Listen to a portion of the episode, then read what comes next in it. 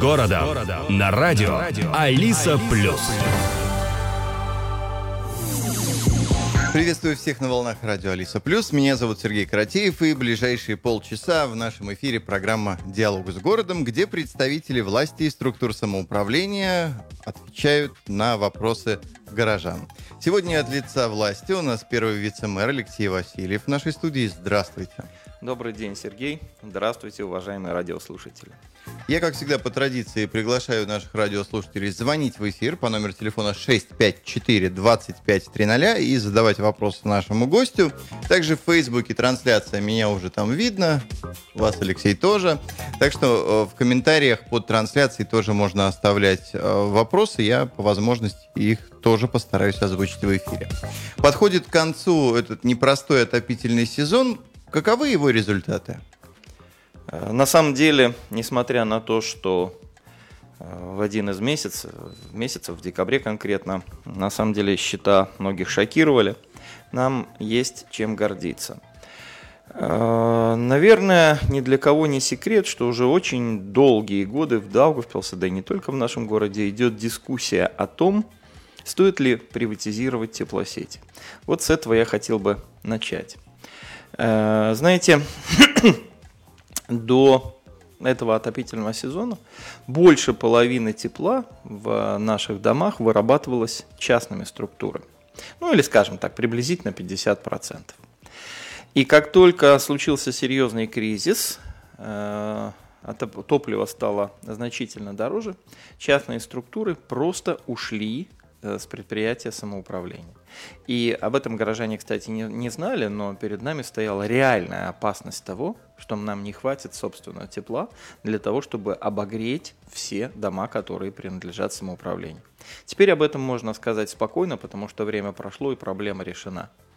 Но на тот момент э, предприятию Даугупил Силтумтикли и городской думе нужно было срочно принимать решение о том, чтобы вырабатывать тепло для своих горожан в стопроцентном объеме. И вот как раз э, здесь и, мне кажется, и лежит ответ на то, стоит ли приватизировать теплосети. Этот год показал конкретно, э, и мое мнение однозначно, что ни в коем случае нельзя допустить приватизацию теплосетей. Предприниматель частный, он заботится, конечно, в первую очередь о себе и в первую очередь о своей выгоде. Как только выгода прекращает быть или возможны убытки, он уходит с рынка. То есть, э, в принципе, ну, мы в таком случае, если они поступят так же, как в этом году, то город просто может остаться без отопления. Такого, конечно, допустить нельзя. Если предприятие принадлежит э, городу, то и ответственность другая. И э, здесь нет э, речи о какой-то выгоде. Здесь в первую очередь мы ставим своей целью обеспечение горожан теплом. Так вот, то, что мы справились в этом году, и сейчас практически 100% вырабатывается тепла нашим предприятиям, без частников, это первое серьезное достижение. Вторым серьезным достижением является то, что мы диверсифицировали возможности э, различных видов энергоресурсов. Э, до этого года, как вы знаете, долгие годы мы шли к тому, чтобы вот практически самое дешевое природное топливо, природный газ, использовать для отопления наших помещений. Но в этот, этот год показал, что и природный газ может подниматься до таких заоблачных высот, что жители с трудом, просто с трудом э, выносят эту нагрузку.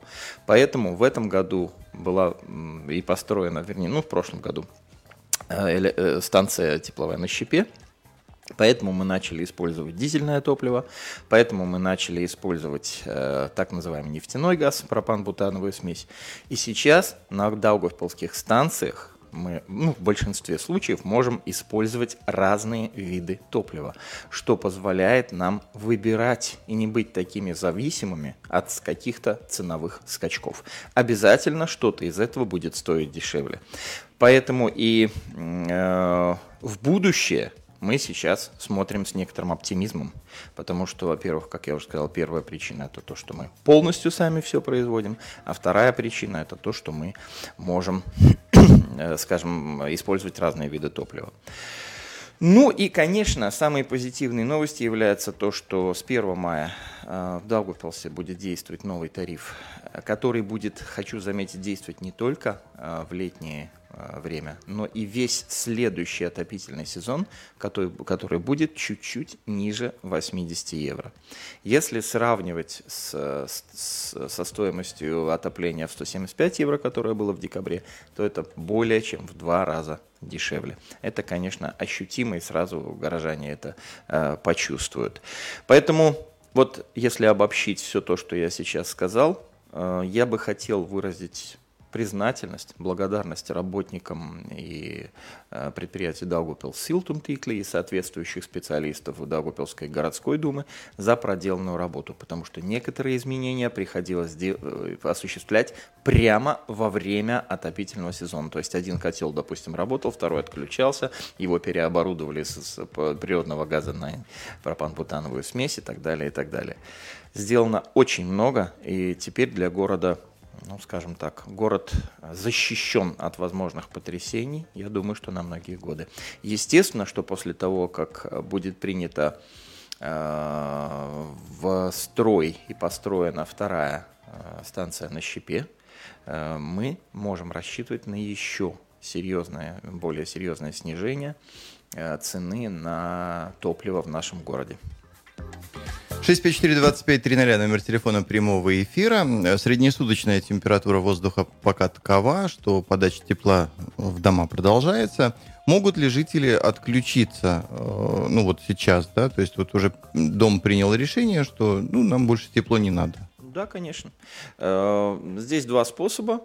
Э, один способ более длительный, если э, собирается общее собрание жильцов, на нем принимается решение, э, это решение передается в ПУЖКХ, и по ЖКХ, естественно, дом отключит. Проблема только в том, что всегда людей трудно собрать всех людей на э, собрание, поэтому я рекомендую из своего собственного опыта, когда я работал старшим по дому, э, все-таки получить доверенность на одном из собраний э, на регуля... то есть самостоятельную подачу заявления на изменение параметров теплоузлов, подключения, отключения, отопления и так далее, и так далее. Это был бы идеальный вариант. И, конечно, если сейчас у людей есть такая доверенность, то достаточно просто написать заявление от старшего по дому по ЖКХ, и э, отопление будет снято. Однако те люди, которые живут с автоматическими теплоузлами, ну, я не знаю, насколько это э, целесообразно делать, э, поскольку вот если по опыту прошлого года, то и в мае месяце 2022 года была зафиксирована, допустим, температура в 2-3 градуса всего на улице. Это достаточно прохладно и, конечно, э, требует какого-то хотя бы минимального отопления. Поэтому я бы не торопился.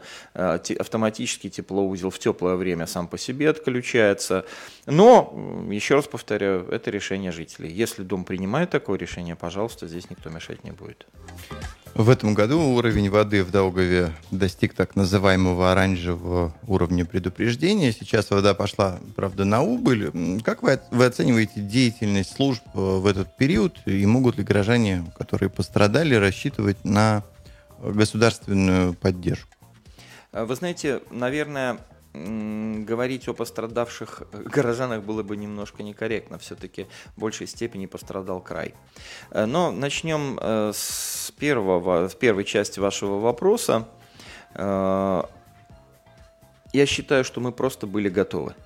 Поскольку в Екопелсе это, в общем, природная стихия проявила себя раньше, еще в январе месяце, то и, конечно, сразу же Э, мы собрали все службы, и муниципальные, и государственные, которые работают на территории Даугавпилса и края, которые позаботились заранее о, э, скажем, о, о, о жителях о возможном э, наводнении, подготовили все необходимые технические средства, и надо сказать, что хотя оранжевое предупреждение и было, и уровень воды поднялся свыше 7,5 метров, но города это коснулось очень слабо.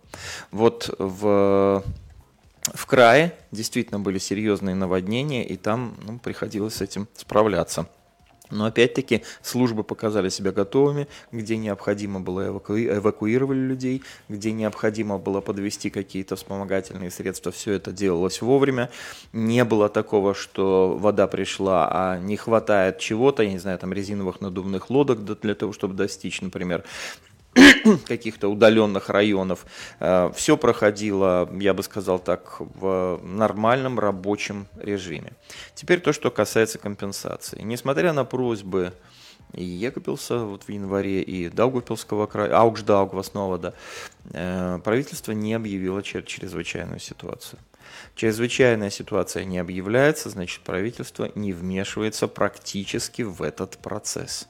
Поэтому я, например, очень лично, э, лично я очень сильно сомневаюсь, что э, правительство пойдет на то, чтобы компенсировать какие-то э, убытки частникам, ну, просто людям, которые живут на территории края.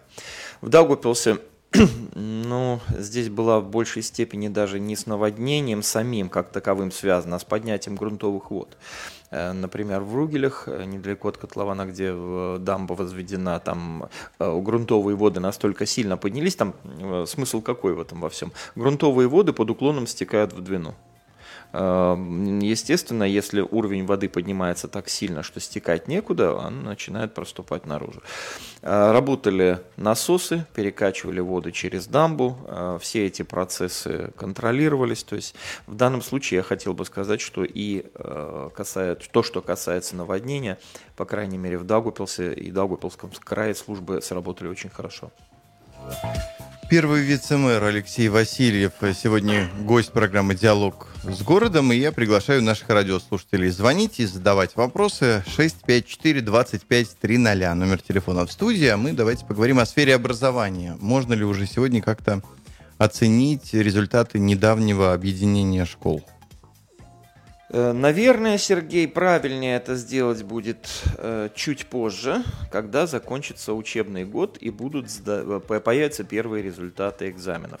Хотя в этом году, может быть, это будет несколько сложнее сделать, потому что, э, потому что экзамены тоже будут сдаваться по-новому скажем, будут э, э, профильные предметы, непрофильные предметы, э, общеобразовательный уровень или уровень специальный, поэтому экзамены будут разделены. И здесь это тоже новое для Даугавпилса, поэтому здесь это будет необходимо принять во внимание. Но уже сейчас можно сказать, что директора, родители довольны тем, что именно тех школ, которым присоединились дошкольные учебные заведения, что у них есть возможность заранее подготовить этих малышей, шестилеток, которые обучаются в подготовительных группах, к переходу в школу.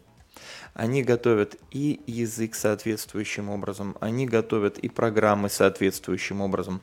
Директора школ в это естественно, теперь вовлечены в полной мере, поскольку это объединенные школы. И для ребенка нет такого, знаете, как кризисного перехода. Потому что на самом деле до недавнего времени требования в детском садике были значительно легче, чем, скажем, требования в школе. И ребенок, переходя вот этот рубеж, он чувствовал ну, кризис как минимум, и э, ему было тяжело. Сейчас э, и родители отмечают, и учителя, что в общем-то, дети более подготовленным вступают в, э, скажем, приходят в школу. Теперь еще один момент, который связан конкретно со средней школой. На самом деле, из, э, ну, в общем, 7 школ Даугавпилса полностью не выполняли требования законодательства перед началом реформы, я имею в виду, о количестве учеников в старших классах. Э, минимальное количество учеников в старших классах определялось как 120 человек в средней школе. То есть в 10, 11, 12 классе, по сути дела, по два класса должно быть. Два десятых, два одиннадцатых, два двенадцатых. Это требование не выполнялось семью школами Даугавпилса. Они должны были потерять статус средних. Это э, то, что мы сделали, на самом деле, не позволило школам потерять этот статус. Э, сейчас мы находимся в пятерке значит, по коэффициенту, по коэффициенту наполняемости средних школ у нас сейчас результат близкий к 190. То есть мы находимся в пятерке самых продвинутых самоуправлений э, э, нашего государства.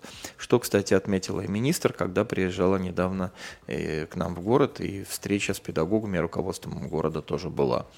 То есть я хочу сказать, что мы выполнили требования, которые выдвигает к нам государство, но сохранили сами школы, здания, коллективы, учителей, э, значит, э, соответственно, школьников и так далее, и так далее.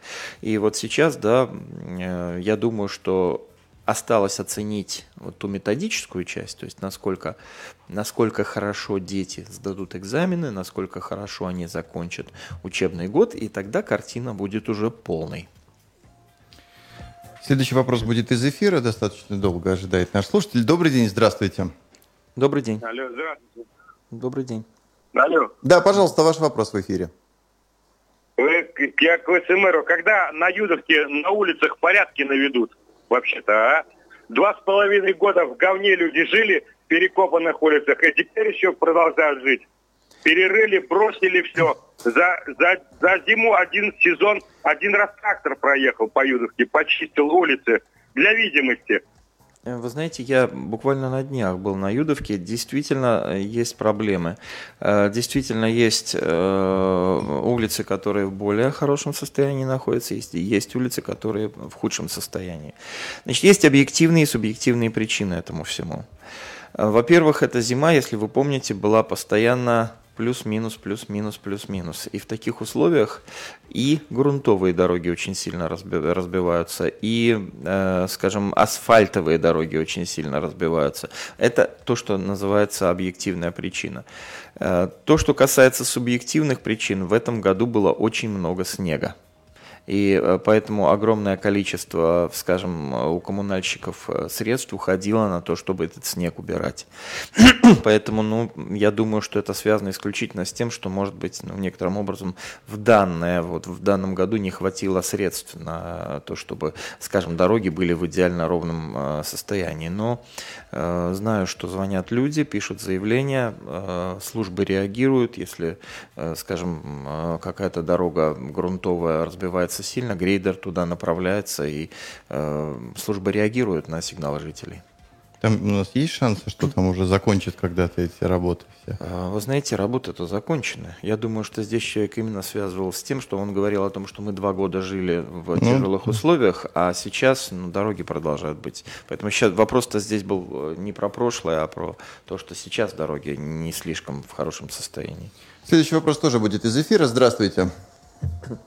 Э, добрый день. Добрый день. Добрый день. Скажите, э, скажите, пожалуйста, э, вот возле дома построили очень хорошую стоянку, но раньше тут был очень красивый цветник. Скажите, пожалуйста, будут ли восстановлены цветники хотя бы? Сейчас такие красивые лужайки, когда проезжаешь по дамбе, очень красиво выглядело будет ли восстановлено... Вы конкретно э, ту, тот парк дома. небольшой возле дома говорите? Да. Будет, как и обычно было, все, э, лабья картошина готовится, только что был разговор с руководителем о, о подготовке к сезону, когда будут, в, то есть клумбы, как вы понимаете, они же цветут в летом, а не, не зимой, э, поэтому неудивительно, что сейчас еще их нет. Да, город готовится полностью украшаться в любом месте, где это все происходило и ранее. В конце апреля педагоги планируют провести забастовку. Поддерживаете ли вы это решение и какова вероятность, что на этот раз забастовка реально состоится? Знаете, Сергей, все всегда зависит от того, договорятся, не договорятся. Что такое забастовка? Это форма выражения протеста против какой-то несправедливости, по мнению э, ну, группы какой-то работников. В данном случае это педагоги. Я, педаго... Я данную забастовку поддерживаю полностью. С чем это связано? Дело в том, что прежде всего э, правительство не выполнило свои обещания. Прошлая забастовка закончилась, вернее, не забастовка, а подготовка забастовки закончилась тем, что профсоюзы педагогов, неоднократно встречаясь с э, представителями Министерства образования, достигли определенных договоренностей. Одна из договоренностей была определенное повышение зарплаты, вторая договоренность была предусмотреть на будущее, чтобы, ну, скажем, каждый год, ну, я так грубо говорю, но чтобы понятно было, с 1 сентября, ну, там в размерах инфляции, ну, там несколько процентов, но, э, значит, стоимость э, работы педагога повышалась. Э, но это обещано было правительством педагогам и, к сожалению, не выполнено. То есть э, на один год они повысили зарплату, это так, но плановый, то, что было достигнуто, вот это составление плана повышения зарплат, этого достигнуто, к сожалению, то есть это было достигнуто, но не выполнено. И в соответствии с этим у педагогов э, ну, как бы совершенно оправданные претензии. Вы представители правительства, государства. Если вы обещаете, значит выполняйте. Если вы не обещаете, то ну, единожды совравший, ну кто же тебе поверит? Знаете, есть такое выражение. Поэтому, конечно, нужно э, требовать выполнения просто того, что было обещано. Именно, именно с этим связано э, вот это недовольство педагогических коллективов. 654-2530, номер телефона в студии. Приглашаю наших радиослушателей звонить и задавать вопросы нашему гостю. Первый вице-мэр Алексей Васильев сегодня в нашей студии. И у нас есть еще несколько минут в нашем с вами распоряжении.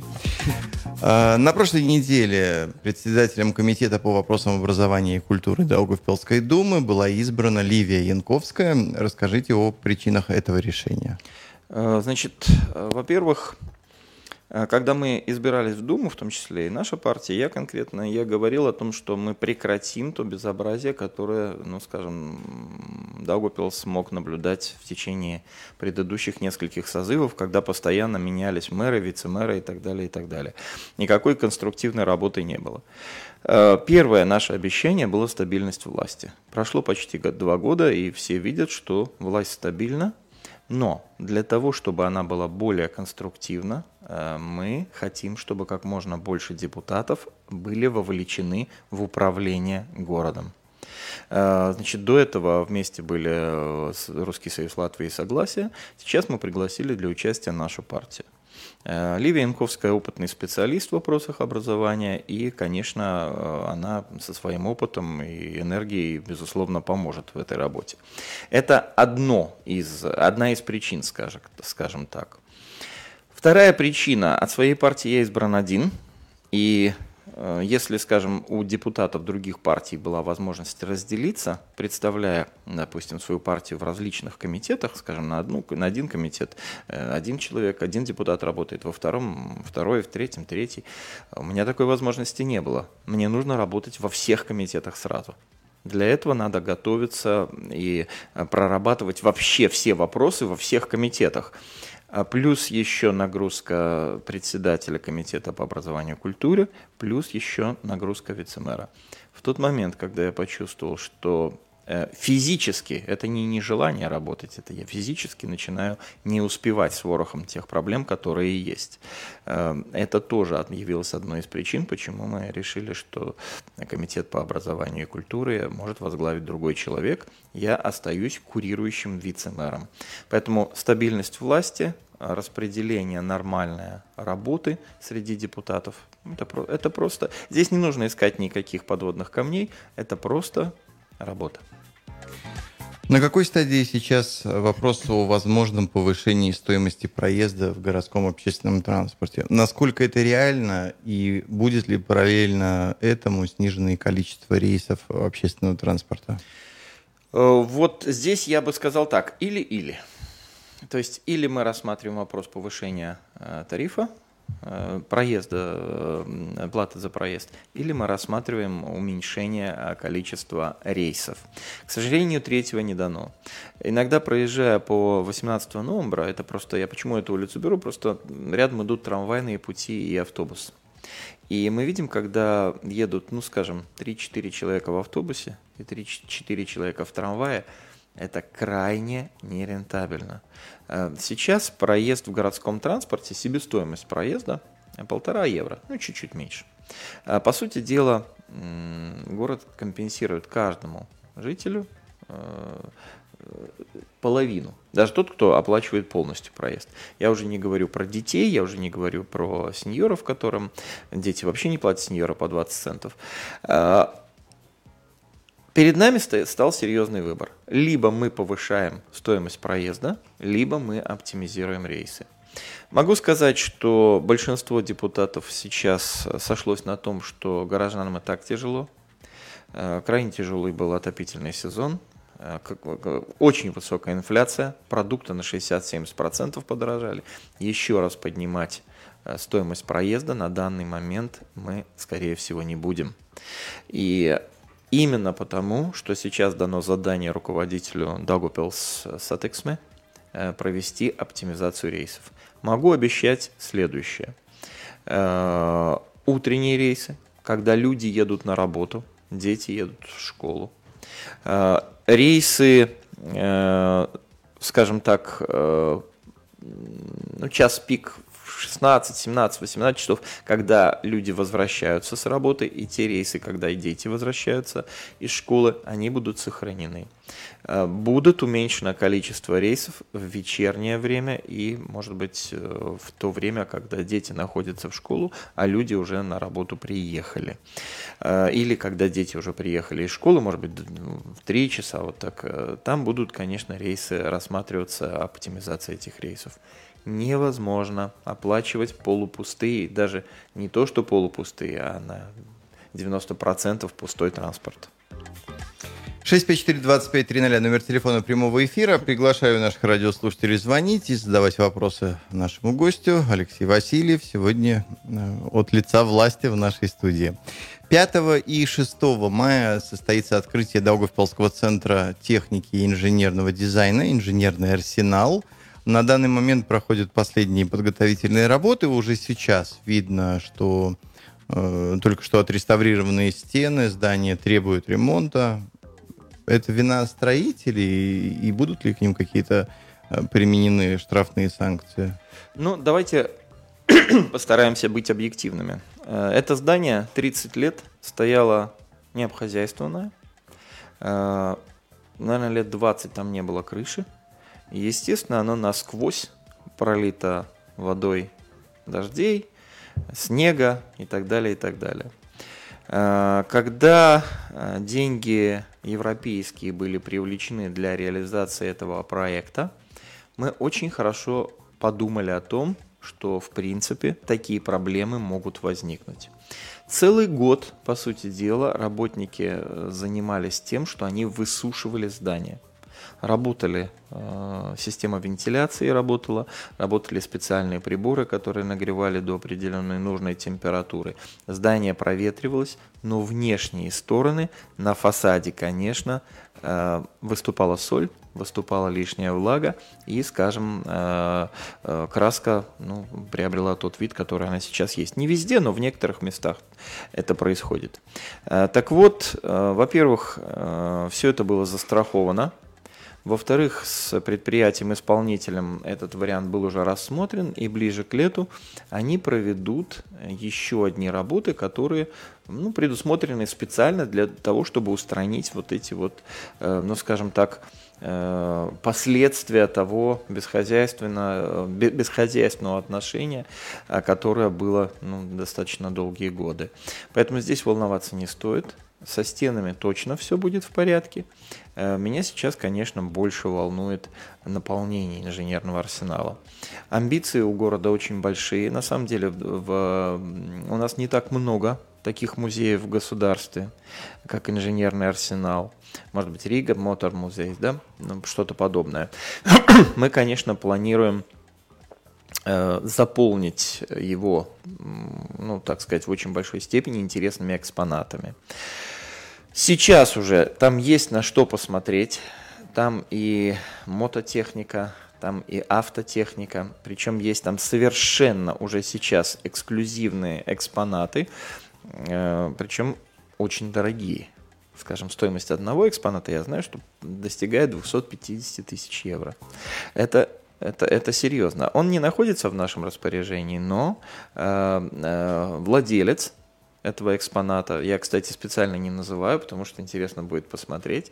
Владелец этого экспоната посчитал возможным предоставить его для того, чтобы он не пылился где-то в гараже и никто его не видел, а вот выставить в инженерном арсенале.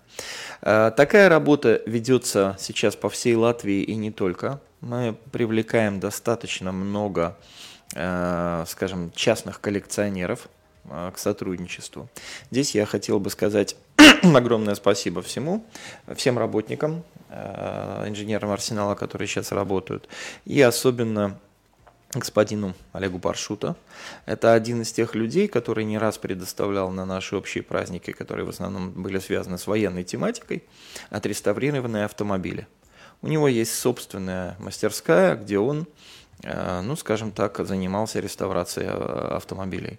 Сейчас несколько экспонатов из его коллекции находятся в этом инженерном арсенале, а сам он работает один, одним из тех людей, которые и готовят вот эти экспонаты к э, Э, к показу.